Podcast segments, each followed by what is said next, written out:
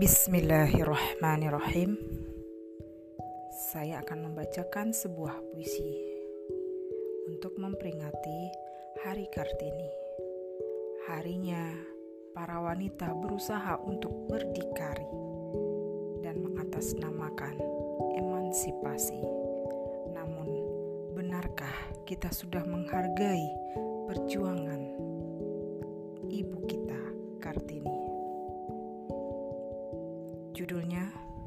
Tangkulak Kompong dalam Lemari. Tangkulak kompong dalam lemari. Berbisik merintih perih.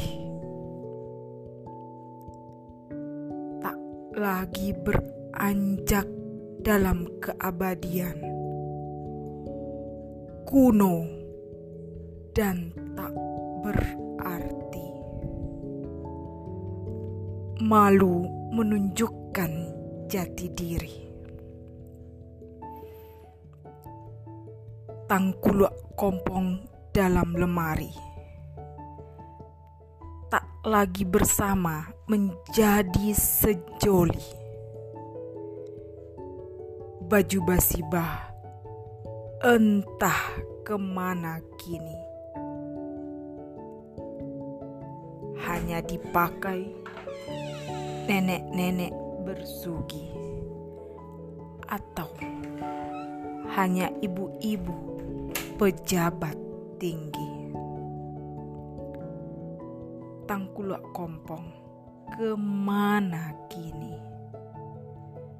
Hanya sebagai hiasan para penari atau perhelatan anak negeri yang dijual untuk katanya masih berbudaya dalam negeri.